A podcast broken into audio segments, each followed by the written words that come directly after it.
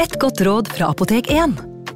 Nå er snart pollensesongen i gang, og et godt råd til deg som sliter med pollenallergi, er å begynne behandlingen i god tid før allergisesongen starter.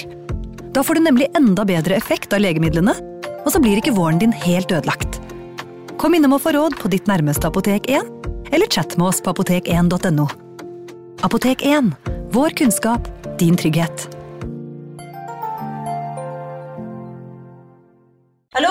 Jeg kommer fra Oslo politikammer. Ine Jansen er purk. Er du purk? The motherfucking bitch. Alt jeg vil, er å finne ut hva som skjedde med mannen min. Jon Carew. Er jeg sikta for noe? Iben Akeli. Det er du. Ole So, Lars Berrum og Big Daddy Karsten. Hvem sin side er du på, egentlig? Anette Hoff, Tone Danielsen, Kommer du fra Afrika? Jørnis Josef, Nesten kløfta. Trond Espen Seim, Det er synd å si det, men det var feil mann som døde. Purk. Premiere tirsdag på TV2 Play. Hei! Takk for at du lytter til True Crime Podden dokumentar. Skulle du ønske at du kunne høre en ny episode av denne podkasten hver eneste uke? Vel, da er det bare å laste ned podkastappen Untold med en gang. I tillegg til ukentlige episoder av podkaster som Skrekkpodden, Synderne og True Crime Podden, får du masse annet reklamefritt og eksklusivt innhold. Last ned Untold i AppStore eller Google Play, og start din 30 dagers prøveperiode i dag. you.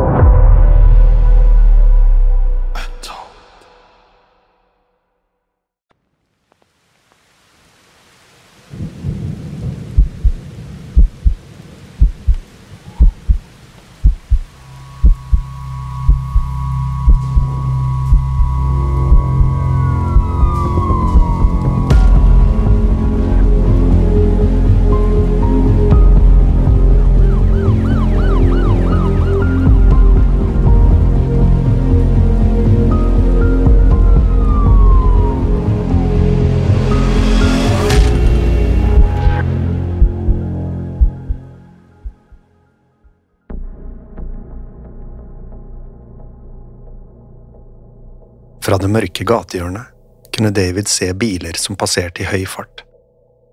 Selv i de tungt trafikkerte gatene i New York virket det ikke som noen var redde for å kjøre fort. David fulgte hver og en av bilene med blikket og prøvde å få et glimt av de som satt inni.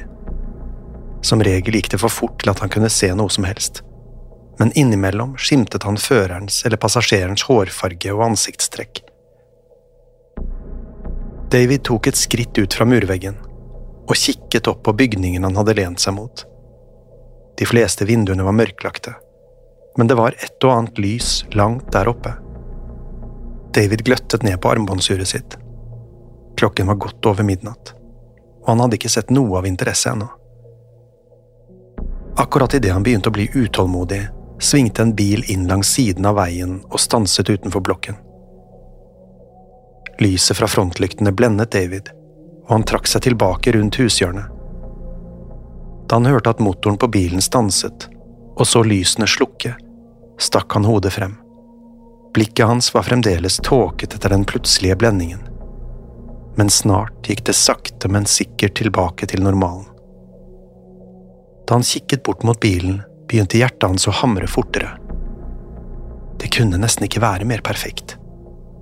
I førersetet satt en ung mann, og ved siden av ham gliste en vakker, mørkhåret kvinne. Paret hadde fokus på hverandre, og virket ikke til å bry seg om alt som foregikk rundt dem. Dette var muligheten David hadde bedt til demonene om.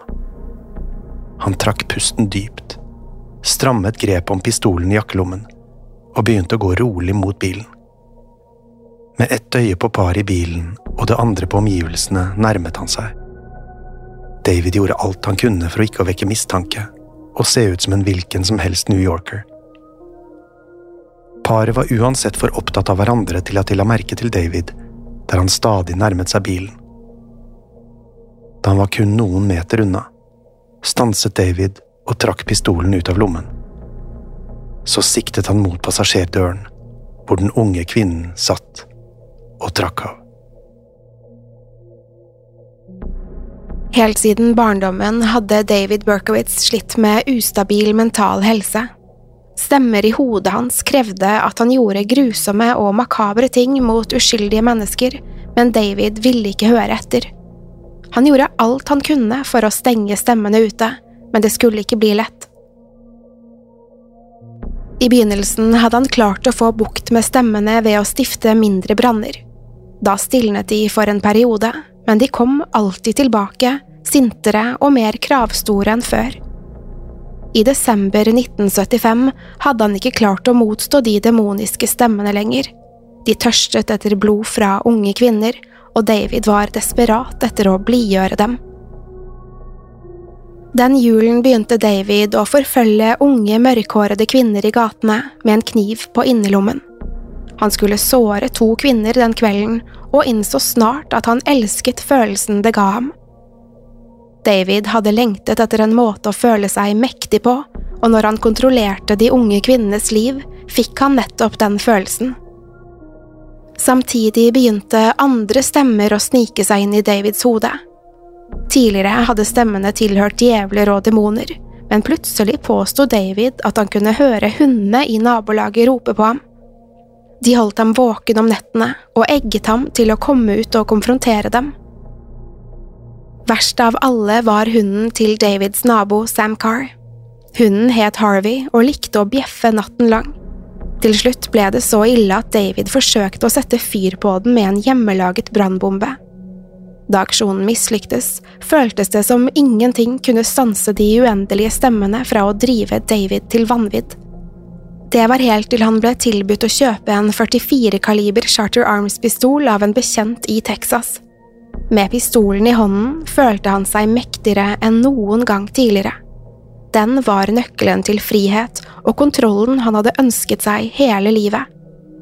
Tilbake i New York hadde David sneket seg bort til naboens leilighet når ingen var hjemme. Der hadde han satt en stopper for hunden Harveys infernalske bjeffing. Etter å ha skutt og drept Harvey følte David seg klar for å gå til angrep på de virkelige ofrene sine.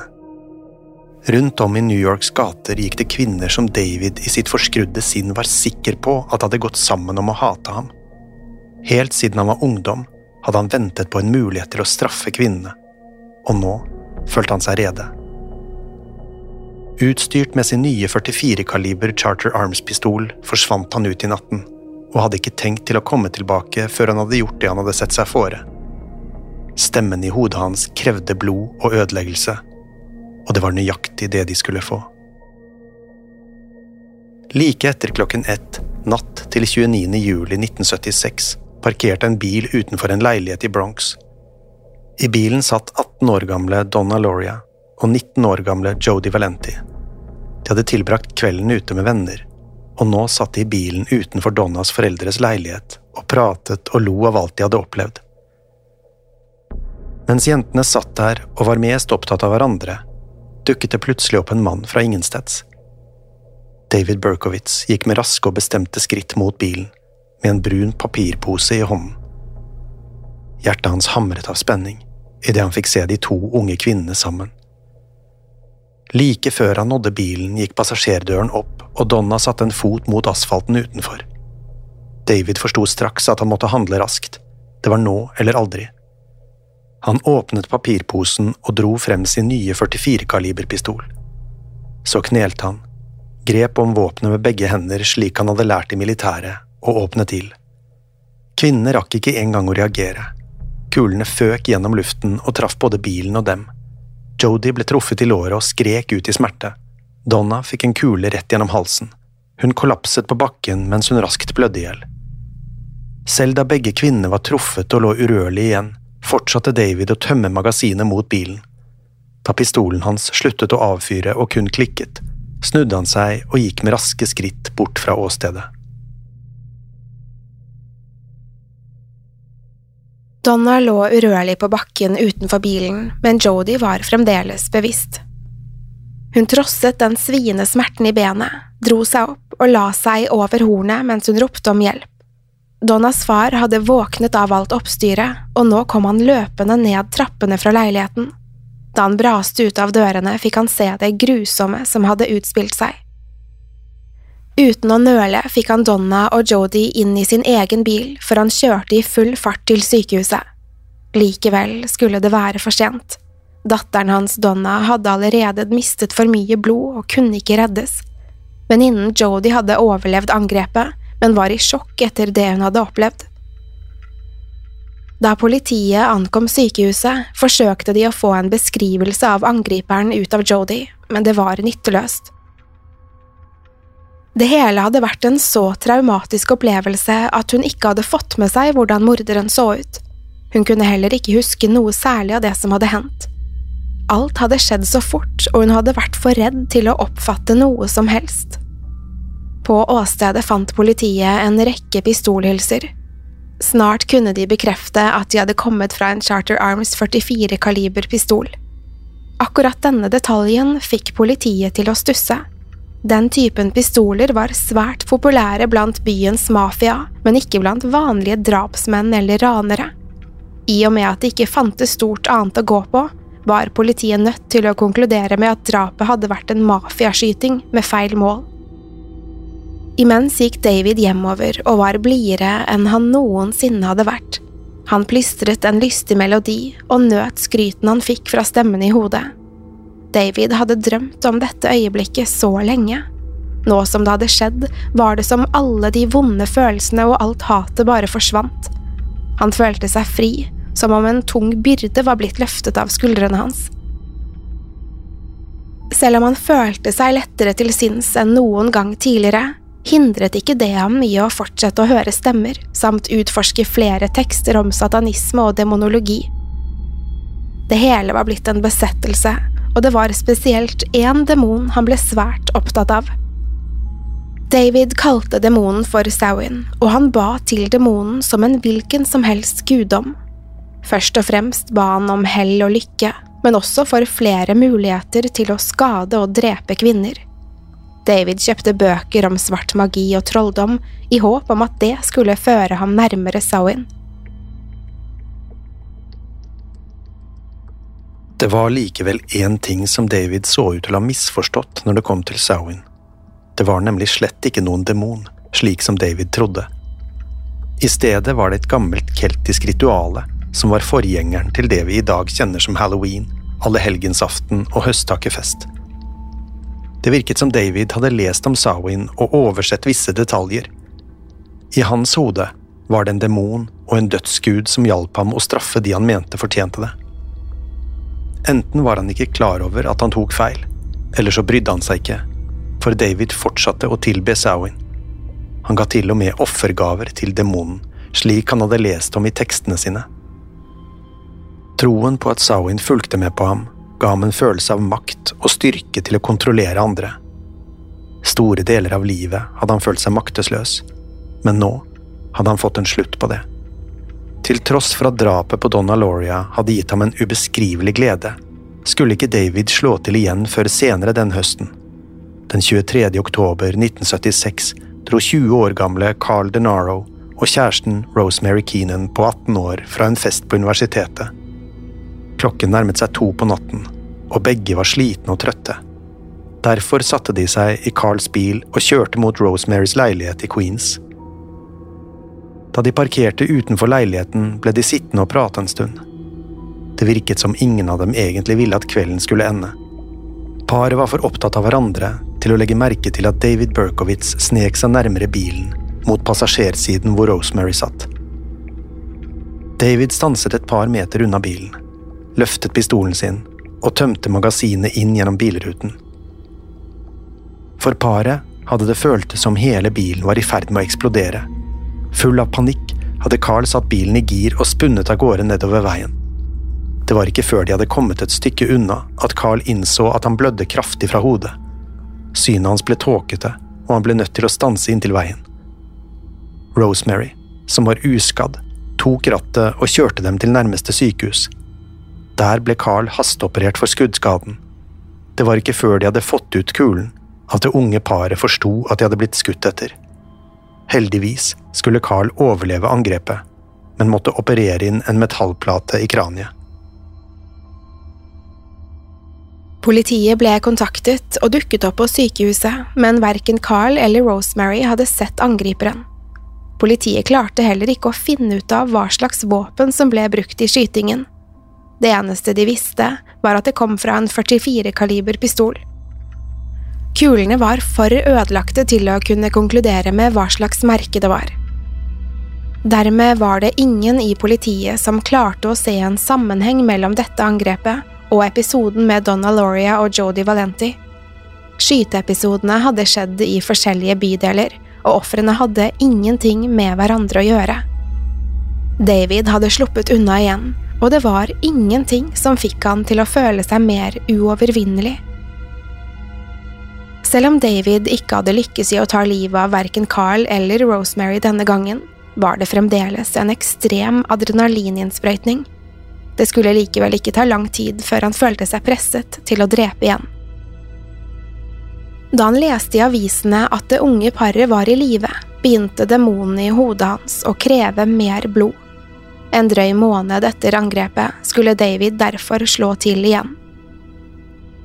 Like etter midnatt den 27. november 1976 var 16 år gamle Donna DiMassi og 18 år gamle Joanne Lomino på vei hjem fra en sen kino i Floral Park på Long Island. Plutselig fikk de øye på en ung mann som stirret på dem fra den andre siden av gaten. Et øyeblikk stirret de tilbake, før de ble skremt og satte opp farten. Frykten bare steg da den fremmede mannen begynte å gå etter dem. Til slutt tok han dem også igjen og beklaget for å ha skremt dem. Mannen påsto at han hadde gått seg bort og trengte en veibeskrivelse ut av området. Jentene var først skeptiske, men etter hvert virket mannen oppriktig hyggelig. Derfor begynte de å forklare veien ut av nabolaget og tilbake til byen. Mens jentene pekte og forklarte, trakk David sakte pistolen sin fra innerlommen uten at de merket det. De rakk ikke engang å reagere før David hadde skutt dem begge én gang hver. Jentene falt i bakken med hvert sitt skuddsår, og David tømte resten av magasinet sitt mot et tilfeldig hus før han rømte fra åstedet. Kort tid etter at David hadde stukket av, hadde en bekymret nabo kommet ut for å undersøke hva som foregikk. Da hun fikk se de to bløende jentene på bakken, ringte hun straks en ambulanse som fikk dem til sykehuset. Donna de hadde blitt truffet i nakken, men skadene var heldigvis ikke alvorlige. Joanne Lomino hadde ikke sluppet like billig unna. Hun var blitt skutt i ryggen, og selv om hun overlevde, skulle hun bli lam fra livet og ned. Da politiet ankom åstedet, skulle de nok en gang finne hylser fra en 44-kaliber Charter Arms-pistol. Likevel ble det ikke sett i sammenheng med de tidligere angrepene. Jentene kunne heller ikke gi noen god beskrivelse av skytteren. Derfor ble det hele avfeid for et mislykket ransforsøk. Nok en gang hadde David unnlatt å ta livene av ofrene sine, og stemmen i hodet hans var slett ikke fornøyde. De begynte å plage ham igjen, og det var ikke lenger skryt og godord å høre. Dermed var han nødt til å prøve igjen for å blidgjøre Sawin og demonlakeiene hans. Denne gangen kunne han ikke mislykkes. Natt til 30. januar 1977 satt 26 år gamle Christine Frond og forloveden John Deal seg i bilen. De hadde nettopp kommet fra en vinbar og skulle videre til et utested for å danse. Paret hadde hatt en hyggelig og romantisk kveld så langt, men nå ville de slå ut håret med andre på deres alder. Akkurat idet de hadde satt seg inn, ble bilen plutselig pepret med kuler. Frontruten eksploderte og sendte store mengder glasskår mot Christine og John. John ble kun truffet av glassblintene og fikk små kutt over ansiktet og hendene, men Christine var ikke like heldig. Hun var blitt truffet av to kuler. Så snart det var blitt stille, og John ikke lenger hørte pistolskuddene utenfor, kastet han seg ut av bilen og forsøkte å skaffe hjelp. Biler passerte dem langs veien, men det var ingen som stoppet. Imens blødde Christine kraftig i passasjersetet. Etter flere minutter klarte endelig John å få tak i en av beboerne i blokken ved siden av dem. De ringte etter en ambulanse, og den kom med det samme. Nå hastet det. Christines tilstand var kritisk, og de hadde ingen tid å miste.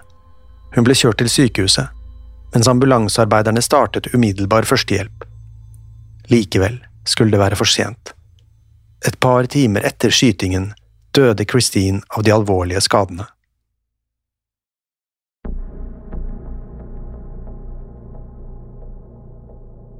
John var knust etter tapet av forloveden, men forsøkte å hjelpe politiet så godt han kunne. Han hadde ikke sett angriperen, og alt hadde gått så fort at han ikke kunne huske spesifikke detaljer. Likevel tok det ikke lang tid før politiet fant hylser fra en 44-kaliber Charter Arms-pistol på åstedet.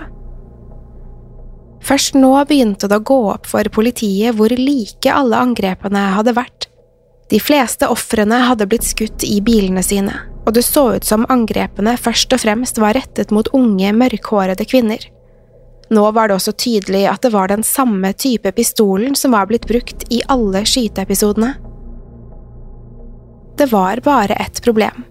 Foruten at ofrene hadde vært unge, mørkhårede kvinner, var det ingenting annet som koblet dem sammen. Kvinnene hadde ingen felles bekjente eller lignende fortid som tilsa at de skulle bli ofre for samme gjerningsmann. Dermed tydet det kun på én ting. Skytteren hadde ikke noe klart motiv, men så ut til å peile seg ut tilfeldige kvinner. Dette gjorde morderen bare enda farligere og vanskeligere å fange.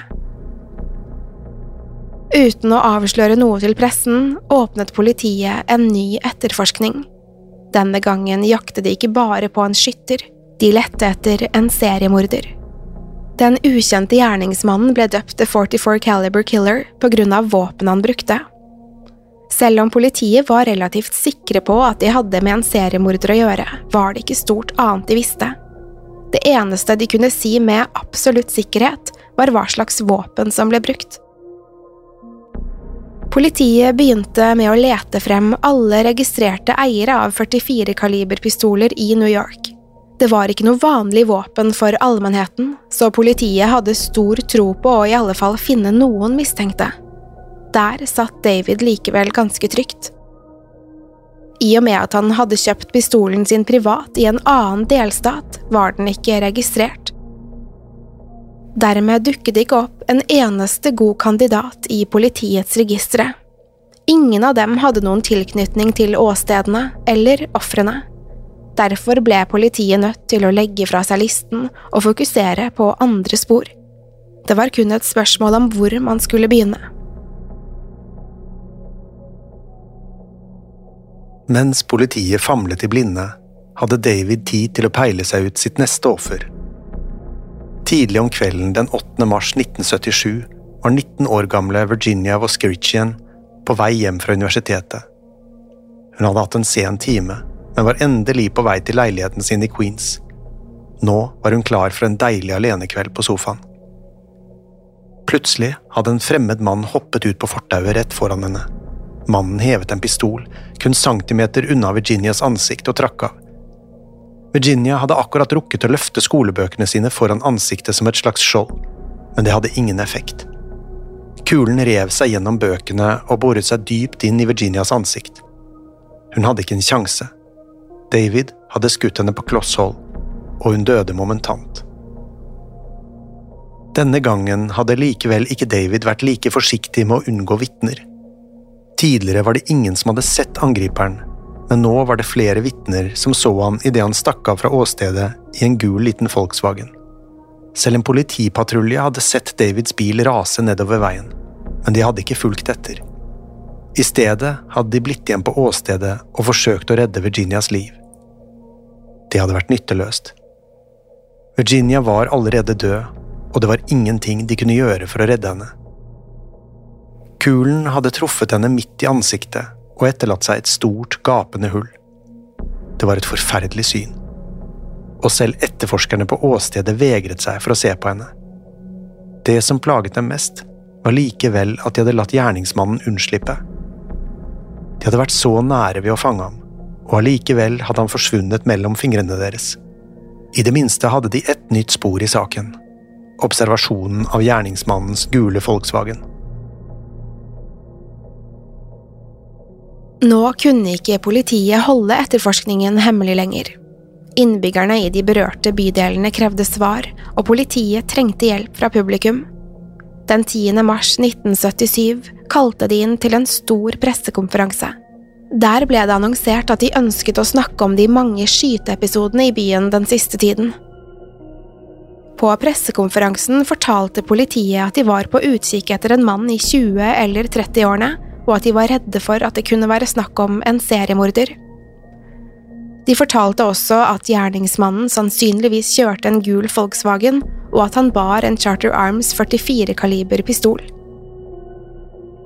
Etter uttalelsen eksploderte pressen med det samme. Avisene skrev side opp og side ned om morderen, og presiserte at han jaktet unge, mørkhårede kvinner. All mediedekningen sendte byen inn i en panisk tilstand. Unge kvinner turte ikke lenger å gå ut alene om kveldene. Salget av hårbleking skjøt i været, fordi mange var redde for å falle under morderens preferanse. Imens satt David Berkowitz i sin lille, mørke leilighet i Yonkers og gned seg i hendene. Han godtet seg over alt kaos han hadde skapt, og demonene i hodet hans lo med ham. David kjøpte aviser hver dag og klippet ut alt som sto om drapene. Disse oppbevarte han i et lite album og tok dem stadig frem for å minnes hvert enkelt angrep.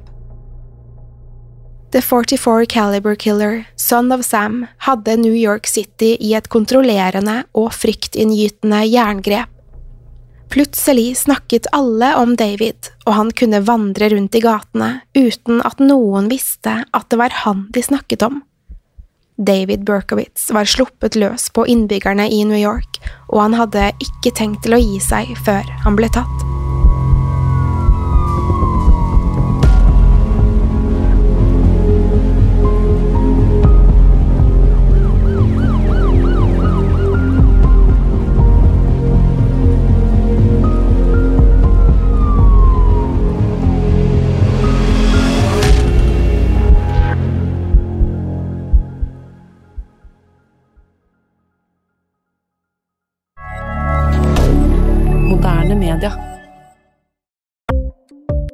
Ukens annonsør er Folio, en smartere banktjeneste for deg som har en egen bedrift eller ønsker å starte for deg selv. Folio er en superenkel nettbank for bedrifter. Som kunde i Folio får du en bedriftskonto med et bedriftskort og app. I denne appen er det smarte løsninger som forenkler regnskapet ditt, uansett om du har en liten bedrift eller et enkeltpersonsforetak. Folio er både intuitivt og brukervennlig, og er laget med et enkelt språk. I tillegg tilbyr de forutsigbare priser og ingen skjulte gebyrer. Skulle du likevel trenge det, så kan du snakke med deres raske og hyggelige kundeservice, og der får du prate med en faktisk person og ikke en chatbot. Folio er med andre ord både enklere og koseligere enn banken. Over 10 000 bedrifter har allerede valgt Folio som sin banktjeneste, så besøk folio.no og se hvordan Folio kan forenkle din hverdag også. Har du et enkeltpersonforetak eller en liten bedrift? Da er du sikkert lei av å høre meg snakke om hvor enkelt det er med kvitteringer og bilag i fiken, så vi eh, gir oss her, vi. Fordi vi liker enkelt. Fiken superenkelt regnskap. Kiwi er billigst i VGs matbørs og har vært billigst i fire av de fem siste VGs matbørser. Og nå presser vi prisene på frukt og grønnsaker. På 200 gram broccolini setter vi prisen til 24,90. På 400 gram Cevita blåbær setter vi prisen til 49,90. Og husk, alle Kiwi Pluss-kunder får i tillegg 15% trumfbonus på all fersk frukt og grønt. For det er vi som er prispresserne. Og vi i Kiwi gir oss aldri på pris.